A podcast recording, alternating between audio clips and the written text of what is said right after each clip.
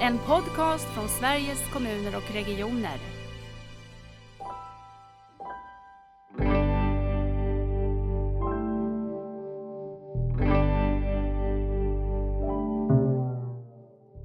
Det är klart att vi går till jobbet för att vi ska ha lön och mat på bordet men vårdanställda känner jag tillräckligt väl för, så många jag träffat genom åren, att det är något särskilt med oss.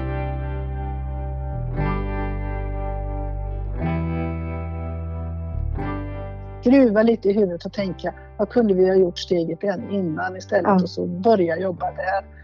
Och sen ta med patienter, brukare och närstående som en del i teamet i processen. Då är vi hemma. Alltså.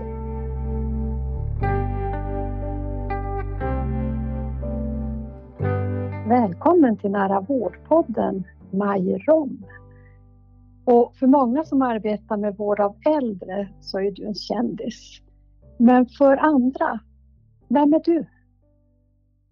Ja, jag är en ganska gammal person. Det är den första tanken jag får. Jag har varit med väldigt länge. Jag har precis gått i ålderspension fast har förmånen att få fortsätta arbeta på Sveriges kommuner och regioner eh, där jag har varit i 15 år men från början är jag faktiskt gynekolog så jag har ett kliniskt förflutet. Och ju mer jag har tänkt på det när jag blir äldre så har det betytt väldigt mycket för hur jag har blivit tror jag. Därför att det är tre saker som jag lärde mig tidigt när man jobbar med mödrahälsovård. Eh, då måste man eh, jobba förebyggande eh, och ligga steget före och det tycker jag är viktigt. Vi var också väldigt tidigt ute och duktiga på att mäta. Vi tog urinprover och blodtryck och HB-värden och vi följde dem och såg till att allting var bra. Eh, det tror jag är viktigt. Eh, och sen så är det det här som är så i ropet nu som vi pratar så mycket om personcentrering. För mig är det liksom helt naturligt. Man kan inte arbeta med gravida kvinnor som ska föda barn om man inte bygger en koalition. Nej. Det blir inget bra resultat. Så att det har jag tagit med mig in tror jag nu när jag har fått förmånen att på äldre dag få jobba för att se till att det kanske blir bra för mig själv när jag behöver det en gång. Men hur halkade du in på det eller halkade du? Nu kom du in just. Vad är det som hände när du fick börja jobba med byta bana får man väl ändå säga. Lite grann. Ja, det kan man väl säga. Det hade jag ju inte planerat på något sätt men eh, det blir ju mycket saker som bara händer och jag jobbade på en liten kvinnoklinik där min chef blev sjuk och så blev jag plötsligt chef och sen blev jag plötsligt med eh, i strukturförändringar och fick börja jobba med det och insåg att den förlossningsavdelning som jag jobbade på den hade ju ingen framtid. Eh, och vi var mm. tvungna att stänga den och vi gjorde det på ett väldigt bra sätt. Okay. Eh, och det var väldigt smärtsamt men eh, då började jag fundera på om man inte måste ha tio minuter till förlossningen utan det kanske räcker med en timme. Mm. Mm. Och Katrineholm där jag bor det har ju ganska många sjukhus i närheten. Så det var ju inte något avståndsproblem som det är på andra orter i Sverige. Mm. Så, så vad behöver man då ha nära? Och så började jag fundera på det där med nära och det var ju den där första nära vård eh, perioden omkring 2000 när det var Just. väldigt kopplat till strukturförändringar. Mm. Eh, och då, där, där började det liksom. Eh, och sen så har jag ju lärt mig otroligt mycket om skillnader mellan kommuner och regioner eller landsting som vissa för eh, och, och, hur kulturskillnader ser ut, hur lagstiftningar ser ut och det har varit en spännande resa. Den, den har nog gjort mig ödmjuk tror jag för jag var nog ganska jag hade nog svaren väldigt mycket i början. Jag minns min första bild om, om eh, när, närsjukvård kanske vi sa då. Ja, så det, det, var inte så mycket socialtjänst då. Nej. Eh, jag var så stolt över hur jag hade ritat den i mitt lilla område där det var sjukhuset i mitten som en stor ruta och sen hade jag gjort några mindre vårdcentraler där på sidan. De var inte lika viktiga. Nej, och sen som en grå dimma så låg liksom kommunerna. och så tänker jag, ja men alltså man får ju prata utifrån det man vet.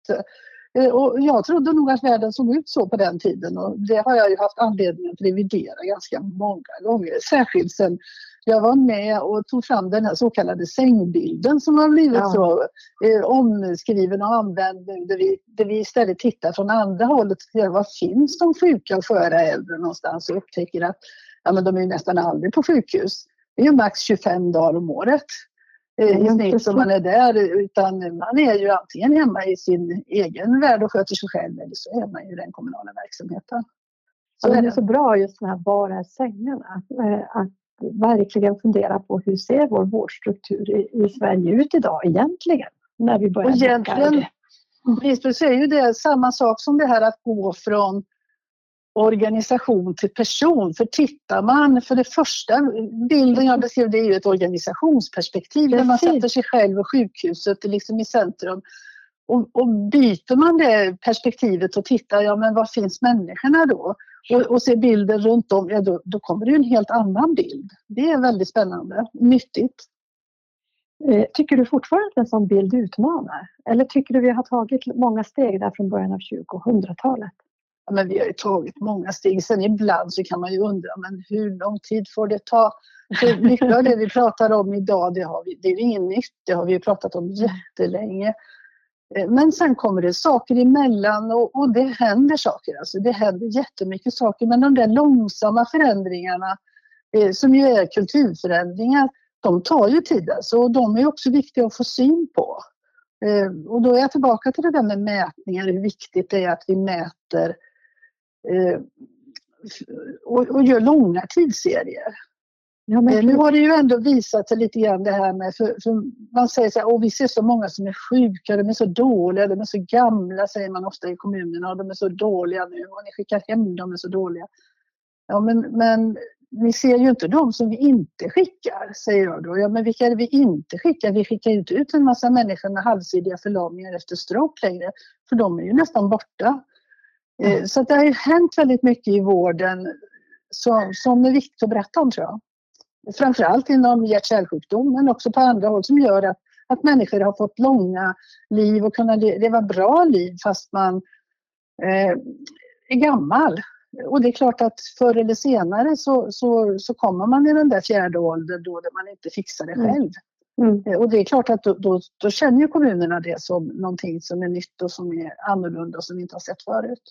Men jag tänker egentligen att det du ringar in det är också grunden till varför vi behöver ställa om på så eh, mot en nära vård, att också behoven har förändrats för att vi har blivit eh, ännu duktigare i hälso och sjukvård och man kan leva livslångt med sina sjukdomar och det vi inte levde kunde överleva förut, det lever man med idag. Och det är klart att jag tänker att du är mycket förebilden för mig också att, att tänka att det är i livet, det är livet vi behöver livskvaliteten och möjligheten att leva livet som ska supportas från, från vårdens håll och ha det fokuset.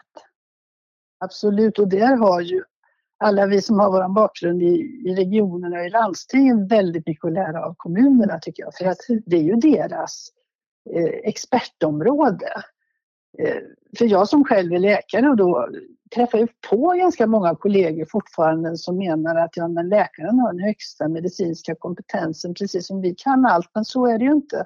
Utan vi har olika kompetenser och det tror jag är viktigt att vi måste bestämma oss för att det är så komplext och, och så mycket som vi ska ta hänsyn till så att det behövs många olika yrkesgrupper som jobbar tillsammans i team för att vi ska kunna liksom fixa den här vården för de här mest knepigt sjuka. Mm. Så tänk, vad mycket, och tänk vad mycket vi får lära när vi jobbar på det sättet och inte... Och vad roligt det blir. Precis. Men jag tänkte, eh, när vi nu spelar in det här så är vi ju faktiskt inne i ett eh, väldigt speciellt eh, och man väl säga tråkigt läge i världen med covid-19 som, som drabbar oss alla på olika sätt. Och du har ju också engagerat dig mycket för de äldres situation under eh, den här pandemin. Kan inte du berätta lite grann om, om vad du ser, vad du tycker är viktigt och också hur, hur du och vi från SKR försöker stödja i det här arbetet? Och det är väl också en, en situation där, där, man måste vara väldigt ödmjuk och ha väldigt mycket respekt för att vi är mitt i. Vi har inte facit, vi kan inte döma men när jag fick de här första signalerna så blev jag ju väldigt, alltså jag, jag, är inte någon orolig människa, men jag blev väldigt orolig och tänkte, ja, men hur ska det bli för alla de gamla människor som finns i hemtjänst och i hemsjukvård när det finns 200 000 personal där ute som kanske inte alla har hygienutbildning precis tipptopp i huvudet. Hur ska vi fixa det här? Eh, och där tycker jag väl som det känns nu att ja, men fokus var väl tvunget att det var, måste vara på sjukhusen och intensivvården i början där. Eh, men, mm. men det blev ju en väldig frustration och är fortfarande att man har blivit så nedprioriterad i kommunerna när det gäller provtagning först och det är väl bättre nu med skyddsutrustning. Eh, att det tog lite tag innan man kom på fötterna. Vi hade kanske kunnat vara lite snabbare där. Eh, och då sitter man ju där på Sveriges kommuner och regioner i sin hemkarantän. Eh, liksom i en, en verkligen egen bubbla och undrar vad kan jag göra härifrån? Eh, och det var då som vi kom på ändå idén att ja men vem är det som sitter på lösningarna? Ja det är ju våra 290 kommuner. Och de, om de får prata med varann och mm. stötta varann så måste väl ändå det också kunna bidra till att vi fixar det här lite bättre. Eh, så därför öppnar vi ju då ett samarbetsrum där vi är snart 500 personer nu. Eh, medicinskt ansvariga sköterskor, chefer och andra nyckelpersoner i kommunerna som delar erfarenheter och som pratar nu har vi det här problemet och vad gör ni åt det? Och det är en väldig aktivitet. Alltså. Och det senaste som har hänt nu de här sista dagarna nu när det ändå har kommit så pass mycket smitta in i kommunerna eh, som det har gjort och det var ju inte oväntat. Eh, hur man jobbar nu med sådana här särskilda covid-team och hur snabbt det kan sprida sig runt om i landet därför att vi har de här bra kontaktvägarna. Eh, hur man bygger mellanvårdsavdelningar region och kommun hjälps åt eh, så att man kan jobba eh, med särskilda välutbildade personalgrupper som sköter bara de sjuka och som inte är rädda för det. Mm. Så att det händer mycket och nu känner jag mig mycket tryggare faktiskt för jag ser ju att kommunerna har har liksom fått eh, grepp om situationen och också fått mycket mera hjälp. Mm. Det har kommit bra utbildningar, det har kommit bra stöd och jag är ändå imponerad över eh, hur mycket det här landet klarar av att göra tillsammans när det faktiskt brinner lite. Ja, verkligen. Det är verkligen något man slås av positivt när man tänker på allt det, Absolut. det hemska som händer. Eh, och samtidigt tänker nog jag, som, som jag tycker du säger, att förmågan att se hela systemet och behovet i hela systemet är väl någonting vi säkert får, eh, får återkomma till och som också är en del av omställningen till nära vård. Så det kan ju också ge skjutsar till oss att faktiskt ta de ytterligare stegen som behövs. Och när du säger skjuts så är det ju verkligen det vi ser nu. Det gör ju du också Lisbeth, mm. vilken, mm. vilken fart det har blivit på ja. många arbetssätt. Vi har ju varit ute och missionerat om att börja använda oss av välfärdsteknik och digitala konsultationer och så, att det har varit lite trögt i portgången. Men nu går det ju med liksom högsta fart eh, och mm. intresset är enormt stort och det är jätteroligt att se liksom eh, regionernas primärvård och vårdcentralerna, vad kreativa de har blivit och vad mycket mm. saker som händer. Varje dag får vi ju liksom ny information om hur påhittig man, man kan vara för att hjälpas åt. Och jag tycker också det som eh, samverkan mellan kommuner och regioner som har mycket handlat om gränsdragningar har ju verkligen tagit fart och man har inte tid att, att fundera på gränsen utan hur löser vi det här? Så att, eh, det är fantastiskt att se vad mycket bra som också händer. Likadant här med vårdplaner som vi har känt ja. så med och vi har liksom inte riktigt förstått ja, men vad är det. Vi har stått knut på oss själva när det gäller vad är en SIP till exempel. och nu plötsligt så gör vi det bara därför vi ser att alla de här människorna måste ha en plan. Vi måste ju veta och vi måste ha pratat om det. Hur ska vi liksom tänka oss och, och det, plötsligt så händer det bara. Och då tror jag att polletten trillar ner lite. Jag tänkte fråga just det, vad tänker du göra att det här kommer att hålla sen när när det, det, det här går över? Hur får vi det att vara beständigt? Det handlar om att om polletten trillat ner då, så sitter det eller vad tror du? Alltså vissa saker tror jag som det här med att man har lärt sig använda digital teknik. Den kommer vi inte att lämna för att den, det är ju så enkelt och vi hade väl lite tur på ett sätt att det här hände nu och inte för fem år sedan. För nu är ju tekniken mogen. För fem år sedan hade ju inte vi kunnat sitta så här på Zoom och se varann och vara på så långt avstånd och göra ett eh, program på det här sättet. Så att mm. det, det gör ju att den typen av teknik tror jag och, och det här att man ska inte underskatta gamla människor. Alltså de är mycket mer kapabla till att ta till sig teknik som de tycker är meningsfull eh, än vad många tror. Mm. Så, så det tror jag inte kommer att vara några stora problem. Sen när det gäller övrigt så, så gäller det väl att vi håller i och hjälp, inte bara tror att det kommer att liksom fortsätta per automatik utan mm. det finns ju alltid krafter som vill att, att man går tillbaka till som man hade det förut för det visste man ändå vad det var. Precis. Att vi får passa på. Vi får passa på tillsammans och vara ett stöd från SKR tänkte jag i, i just det och då tror jag lite grann det här att att vi också, precis som du gör nu, berättar om det här, att vi dokumenterar, att vi sätter det på pränt och förstår vad vi har gjort, också kommer att hjälpa oss. Så det får vi hjälpas åt att göra. Men jag tänker att du har så himla många år i, i, i branschen. När du beskriver nära vård, hur gör du då? Vad är det för dig? Ja, alltså jag tror att det viktigaste, alltså det, det ändrar sig nog över tid, men det viktigaste för mig det, det är nog det här med eh, personcentreriet och perspektivet. Att ha med sig det, för vem skull går vi till jobbet? Vi mm. går ju faktiskt det är klart att vi går till jobbet för att vi ska ha lön och mat på bordet men vårdanställda känner jag tillräckligt väl för, så många jag träffat genom åren att det är något särskilt med oss. Mm. som gör att vi vill göra något gott för andra människor och vi vill faktiskt göra något. Och jag har ju sett så många gånger att när man bara låter personal få göra det som känns rätt i deras hjärtan mm. Eh, så blir det ofta rätt. Mm. Och då kan ju ibland våra regelverk vara till hinders även om de är framtagna i den bästa välvilja. Eh, så så, så den, den delen skulle jag nog ändå vilja säga är väldigt stark. Att det här med att göra saker, rätt saker för, på enkla sätt. Eh, så att, att det, det här med livet, att, mm. att det handlar om livet.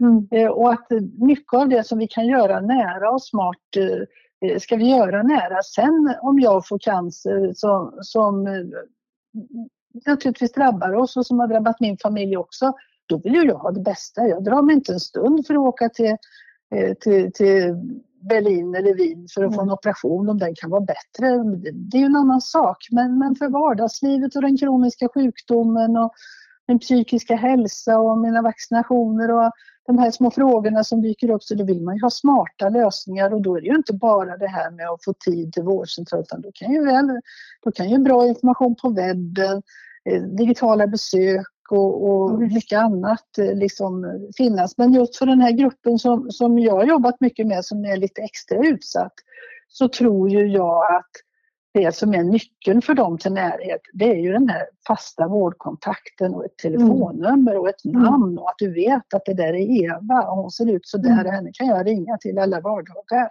Mm. Eh, men, men då, då blir man mycket lugnare och då blir det inte lika mycket besök på akutmottagningen. Och bakom henne finns ju alla resurser som hon kan dra på. Jag tänker när du pratar om det, för det handlar egentligen om relationer och relationens betydelse i den nära vården. Kan du inte bara säga lite kort om eh, webbkollen som är ett sätt egentligen att eh, skapa trygghet och som du har varit med och, och tillsammans med regionerna använt eh, bland annat i uppföljningen av personer som har skrivits ut från sjukhus. Säg någonting kort om det. Men då måste jag nästan börja med förhistorien för det, det är så mycket historia. Eh, jag var ju med och hade förmånen att få leda arbetet med Bättre liv för sjuka äldre där vi under fem år, 2010 till 2014, jobbade med att göra det bättre för äldre med en stor nationell satsning. Det var ju över en miljard om året som vi hanterade i pengar, så det hissnar. Eh, men, men det var en väldigt spännande tid. Men upprinnelsen till det hur det blev och hur, hur det var handlade ju om att ja, man, man sökte och ville göra någonting från, från regeringen men man visste inte riktigt vad.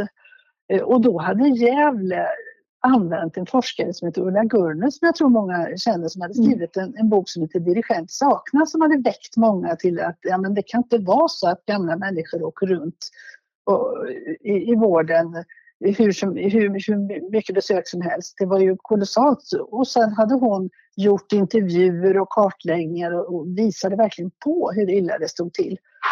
Och då satte vi igång ett arbete där vi sa att ja, men vi måste göra det där på fler håll. Jag vet inte riktigt hur vi tänkte men, men i alla fall så fick vi 29 kommuner i 12 län och göra kartläggningar av minst 20 personer varenda besök de hade under ett år. Av de som hade haft mycket besök då. Ja. Och det där var ju det mest mördande jag upplevt. Eh, att vi kom i mål med det där, men det blev en rapport av det som är väldigt läst eh, och, och refererad till och så. För vi, vi lärde oss jättemycket om eh, just hur det var för de här personerna som, som jag tror ändå hade hamnat, trillat emellan skyddsnätet helt och hållet. De hade verkligen inga fasta vårdkontakter, inga planer och ingen ordning på saker och ting. Ofta fel mediciner och ingen information. Eh, men, men då kände jag bara i mitt hjärta så här, aldrig mer. Detta kan jag inte göra om. Utan vi måste ju hitta smartare sätt att ta reda på hur blev det för patienten. För det var ju utifrån det att inte titta hur blev det i våra stuprör i den och den silosen utan se hur landar det in för den enskilda människan. Och då måste man ju titta hos den enskilda människan.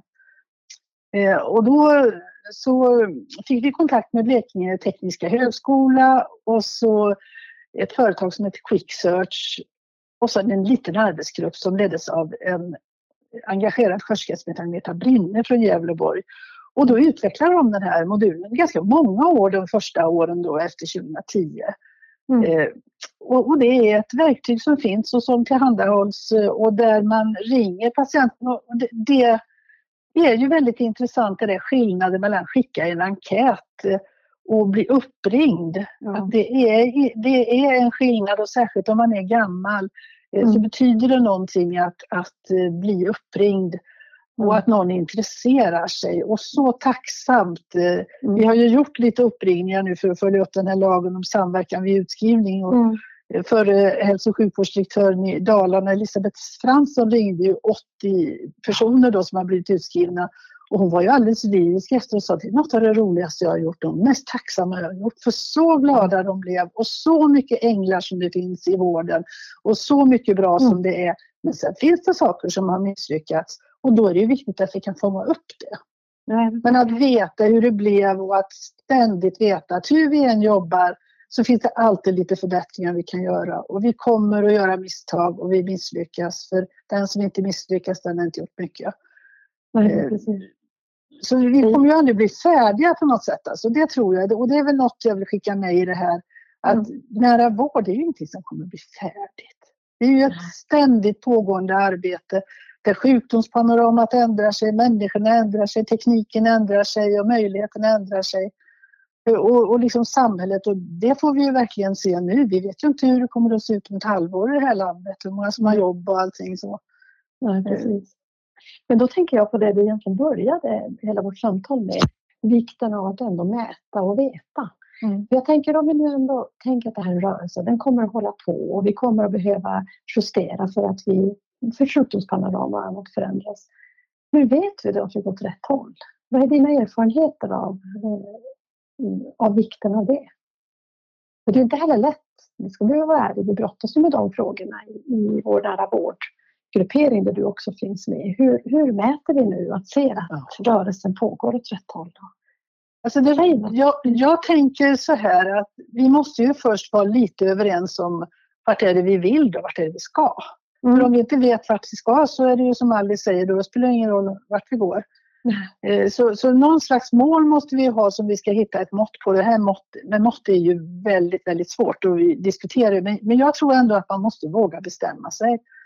Eh, och hitta mått och att det är inte liksom samma mått överallt utan vi måste ha en typ av mått på den översta nivån, på, på nationell nivå. Men sen om vi till exempel jobbar med de äldre så kanske vi behöver tio mått till som vi liksom mm. undersöker och vill vi ha en förflyttning inom ett visst område då kanske vi fördjupar måtten jag som har ägnat mig ganska mycket åt till exempel ett förebyggande arbete för att människor inte ska bli sjuka i onödan. Vi älskar ju måttet nattfasta. ja. ja men det måttet kan ju inte vi ta på nationell nivå men ska vi göra någon skillnad för att äldre på, på ett boende inte ska behöva svälta ja men då är det nattfasta på, på enhetsnivå som kanske är ett av de allra viktigaste och personalkontinuitet och så. Så att det där att tänka vilka mått är jag behöver utifrån det mål jag har satt och det vi ska åstadkomma nu. Det är väl det jag vill skicka med då, att man får tänka så. Och att det, det kanske behöver ändras över tid. Och att hela systemet på något sätt måste vara med och då blir det olika mått på olika nivåer. Det går inte bara att jobba med makron, men heller inte bara med mikron om vi nu ska Nej. göra en... Mm. Precis. Mm. Och sen är vi väl... Alltså, det är väl så att det vi är bra på, det vill man ju gärna hålla på med lite till. Så är i alla fall vi i vår Mm. familj. Mm. Eh, Men det, det är ju det att kunna vara så modig som att våga se sina svagheter. Och det ska man nog inte vara så rädd för att veta att nej, men jag är jättebra på de här delarna men de här delarna är inte alls min styrka. Att våga fundera över men om jag ska bli bättre på helheten så kanske jag måste våga utmana mina svaga sidor och se kan jag inte fixa det själv så kanske det finns någon annan jag kan ta hjälp av eller, eller något då. Att se vad är det jag behöver faktiskt göra för att, att eh, leverera. Ja, precis. Ja, det handlar ju om ledarskap och mod och det egna ledarskapet också.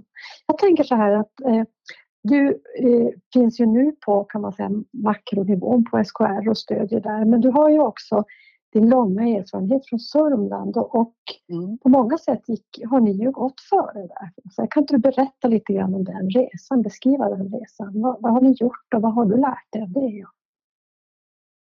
Ja, det, det började ju där i, i, i början av 2000-talet med faktiskt att våran eh, ledning och politik, de eh, ville ju ha, kan man säga, tre olika spår i, i vårdutvecklingen. Det var ju mycket regionen som drev det. Eh, att man ville ha en koncentration av viss vård och subspecialisering. Man ville att den ha standardisering till exempel av planerade operationer. Eh, Och det, det har ju gjorts tror jag i hela landet nu. Eh, Och det var mycket det, de processerna på, som pågick då. Så ville man ha ett spår mot nära vård. Och det kan man säga var väl den första erfarenheten att det är väldigt lätt att, att en part sätter igång och gör det och sen så kommer man fram med någonting och sen så kommer man på, ja men just det, kommunerna är kanske viktiga. Eh, ja men då bjuder vi in dem på ett möte. Eh, Och, och jag minns så väl när vi hade tänkt ut ungdomsmottagningar, vet det, det är ju fint, det höll vi på med. Eh, Och då hade vi tänkt ut ett jättenytt och bra ungdomsmottagningsavtal och så sa vi vi måste bara komma överens med alla våra ungdomsmottagningar eh, på regionsidan först så att vi är överens om hur vi ska ha det. Och sen när vi var färdiga då bjöd vi in kommunerna Eh, Och sen så hade vi ett möte och jag kan minnas alltså, stämningen där i det rummet än idag. Det är en av de nära döden-stunderna man har haft. Eh, när när, när vår, våran chef presenterade och sa att ja, nu ska ni bara skriva under det så är det klart. Ja. Oj vad arga de blev alltså. Oj, oj, oj, oj, oj. Och då lärde jag mig verkligen den här vikten av att innan man springer sätta sig ner och fundera på om jag vill göra någonting åt det här, vilka är det jag måste prata med då? Eh, som är viktiga aktörer eh, i, i, för de här frågorna för att vi ska kunna liksom nå något resultat. Och de förprocesserna tar ganska lång tid. Mm. Eh, Och man kan bli lite otålig och tappa fokus och så under tiden. Men gör man det arbetet bra så har man igen det dubbelt upp sen. För sen kan man ju göra vad som helst.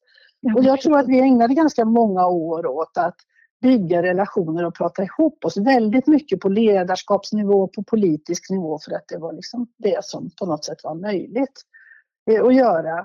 Och utifrån det sen så har ju det varit grunden till exempel att nu när det gäller lagen om samverkan för, från utskrivning från sjukhus då, så, så var ju Sörmland först i Sverige med att eh, skriva ett avtal. Det var ju klart eh, innan lagen klubbades eh, och, och man hade kommit överens om allt.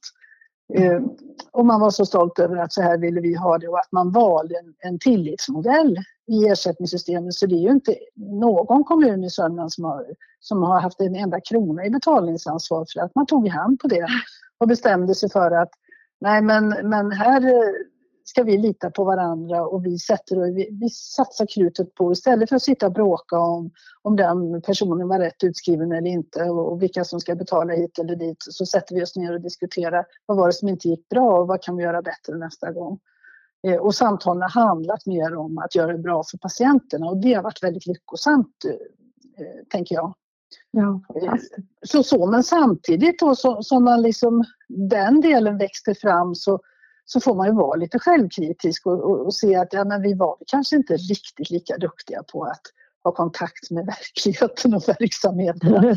För det är ju mycket som ska hänga ihop då med, med, med både politik och med förvaltningsledningar och samverkan över gränser och med alla samordnare som ska hålla ihop det här och, och sen så eh, ner mot verksamheten som, som gör jobbet, för det är ju där allt mm. värde skapas. Mm, just det. Eh, men där tror jag att eh, man håller på nu eh, att, jobba ikapp. Om man säger så. För vi har ju haft ett generationsskifte i, Sörmland där, vi i det gamla gänget har gått i pension allihopa och nu är det nya krafter. Och, och, det tror jag också, man ska inte vara så rädd för det, att det blir ju förnyelse bland många människor som jobbar, vilket det alltid är i de här sammanhangen, så, så ska man nog ta med det i planeringen att folk kommer att börja och sluta. Mm, För ofta ser jag det som ett problem när det är projekt och så att ja men oh, det här gick inget bra därför att den samordnaren slutade där och den började och den slutade och så hade de försvunnit. Ja men det är mm. så livet ser ut. Precis och, och allt är lite grann av loopar för jag tänker det ni byggde, det gamla gänget då, det, har ju, det utgör ju ändå en grund och en plattform. Det är ju ingenting som bara försvinner för att det kommer nya personer och så blir det en loop att man bygger vidare. Eh, jag hade förmånen att besöka Sörmland precis innan eh, coronan kom och, var jätteimponerad av det gemensamma arbete man gör där. Och som du säger att eh, det finns den här politiska nämnden som man faktiskt också har en nämnd för. Det tror jag man är ensam om i Sverige faktiskt, även om det finns politisk samverkan över gränser och, och grupperingar så. Mm. Men också förankringen mot det som är mikronivån och. Och jobbet där, jag tänker att de här koordinatorerna, nära vårdkoordinatorerna i Sörmland spelar stor roll att man jobbar på både kommun och regionsidan tillsammans. Ja, jag tror att utan den rollen, att det finns personer som har stor erfarenhet och också legitimitet lite över gränser, eh, så, som har tid avsatt för att mm. jobba, jobba med de frågorna och det måste jag säga, jag har ju varit chef, inte så jättemånga år då, men det var väl i alla fall en fem sex år eh, som jag var verksamhetschef. Det var ju mycket roligare att vara koordinator. Ja. Jag brukar säga det att ja, men, till mig kan ni inte komma för att få pengar, för det har jag inga, utan här, till mig kan ni komma om ni vill ha hjälp. Mm. Och jag hade, vi hade tre befogenheter brukar vi skoja och säga. Vi, hade, vi kunde kalla till möten, vi kunde beställa data och vi kunde bjuda på kaffe. Ja. Okej, det kommer man långt med? Eller? Det kommer man väldigt långt med och man slipper ju väldigt mycket annat tråkigt jobb. tänker jag som gillar allting som handlar om förbättring och utveckling och att det ska bli bättre. Eh, jag tänker på, eh, vi är inne på det här med hela systemet och mikron, där skapas värdet. Men hur tänker du då på nationella nivån och satsningarna? Vad, vad är den nationella nivåns roll då för den här omställningen till nära vård? Mm, då kan det vara både statens roll men det kan ju också vara SKRs roll och det som är mer, det är också lätt en stor nationell satsning. Det är viktigt. Jag är ju väldigt glad, måste jag säga, för den satsning som pågår just nu. Att, för jag tror inte att det här kommer att ske om inte det finns en väldigt tydlig vilja både från, från staten eh, och från eh, våra medlemmar på, på Sveriges kommuner och regioner att verkligen få det här att hända och den insikten tror jag finns där på ett annat sätt nu än vi kanske gjorde för 15 år sedan. Mm. Eh, så, så, tiden är mera mogen på något sätt men, men, vi har ju mycket att vinna precis som nu i coronatider på att alla måste ju inte uppfinna hjulen. Mm. Sverige är ju ändå inte ett jättestort land. Vi är inte större än det här systemet som alla tittar på i USA som heter Kaiser Permanente. Det är ju liksom hela Sverige. Eh, så, så att det är klart att vi har nytta av att vi samordnar oss. Men det är klart mm. att det finns ju mycket stuprör. Det finns mycket stuprör att kämpa med. Ja, även på det nationella planet. Men ja, överallt. Ja. Hördu Maj, vi ska eh, börja avrunda lite grann. Men jag tänker, vad har vi inte pratat om som du, eh, du brinner för så mycket och det finns hur mycket som helst att prata om. Vad skulle, är det någonting du känner att här måste vi hinna ta upp? Men, men jag tänker i så fall att, att det är viktigt att titta lite framåt då. Vi var ju ja. inne och pratade om det här med, med coronaepidemin mm. då att det kommer ju faktiskt då eh, att gå över. Precis.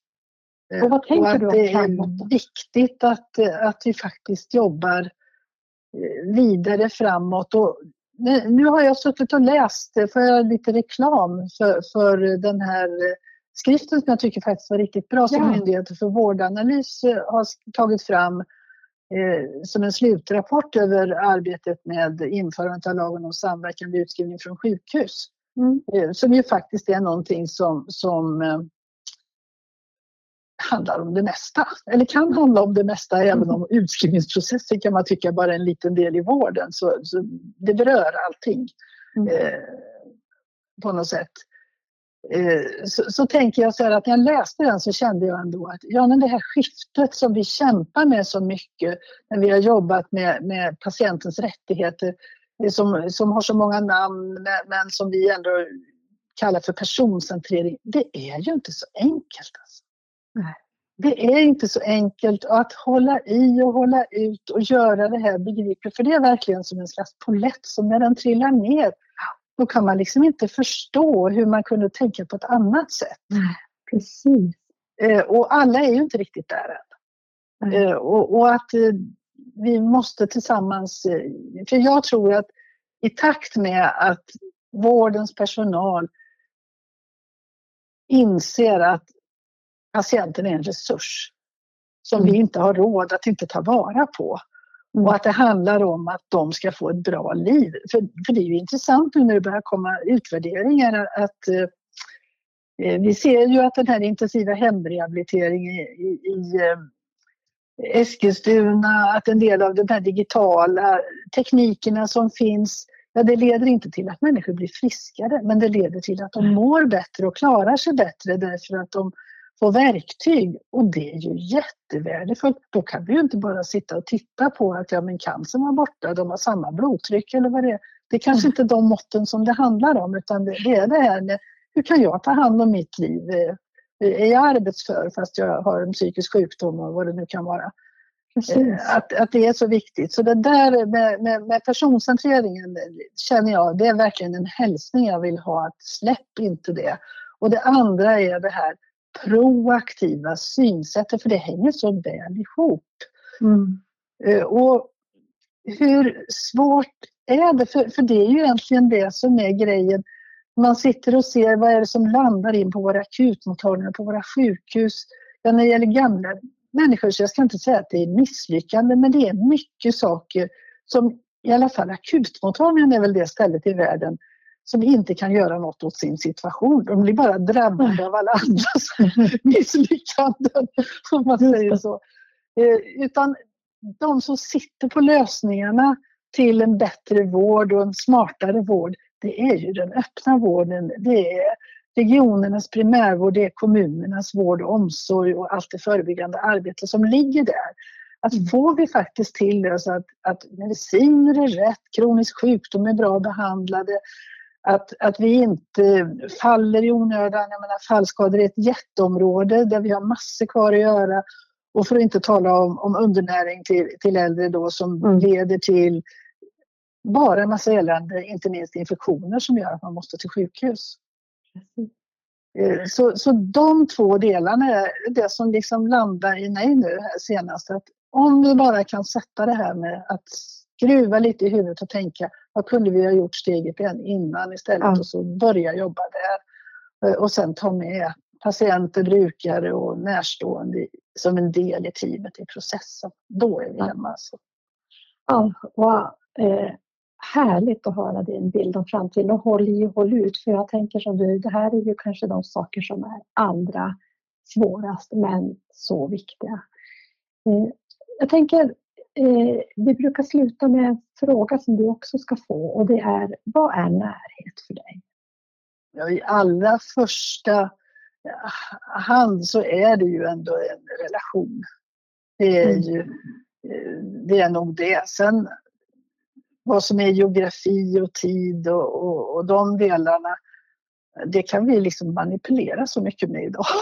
på något sätt. Men, men det här, och och nu när vi sitter här i våran, i, i våran corona-isolering så, så känns det ju faktiskt ännu viktigare det här att vi är sociala varelser. Vi behöver vara. Tack Maj för att du vara med i Nära vårdpodden. Tack för att jag fick vara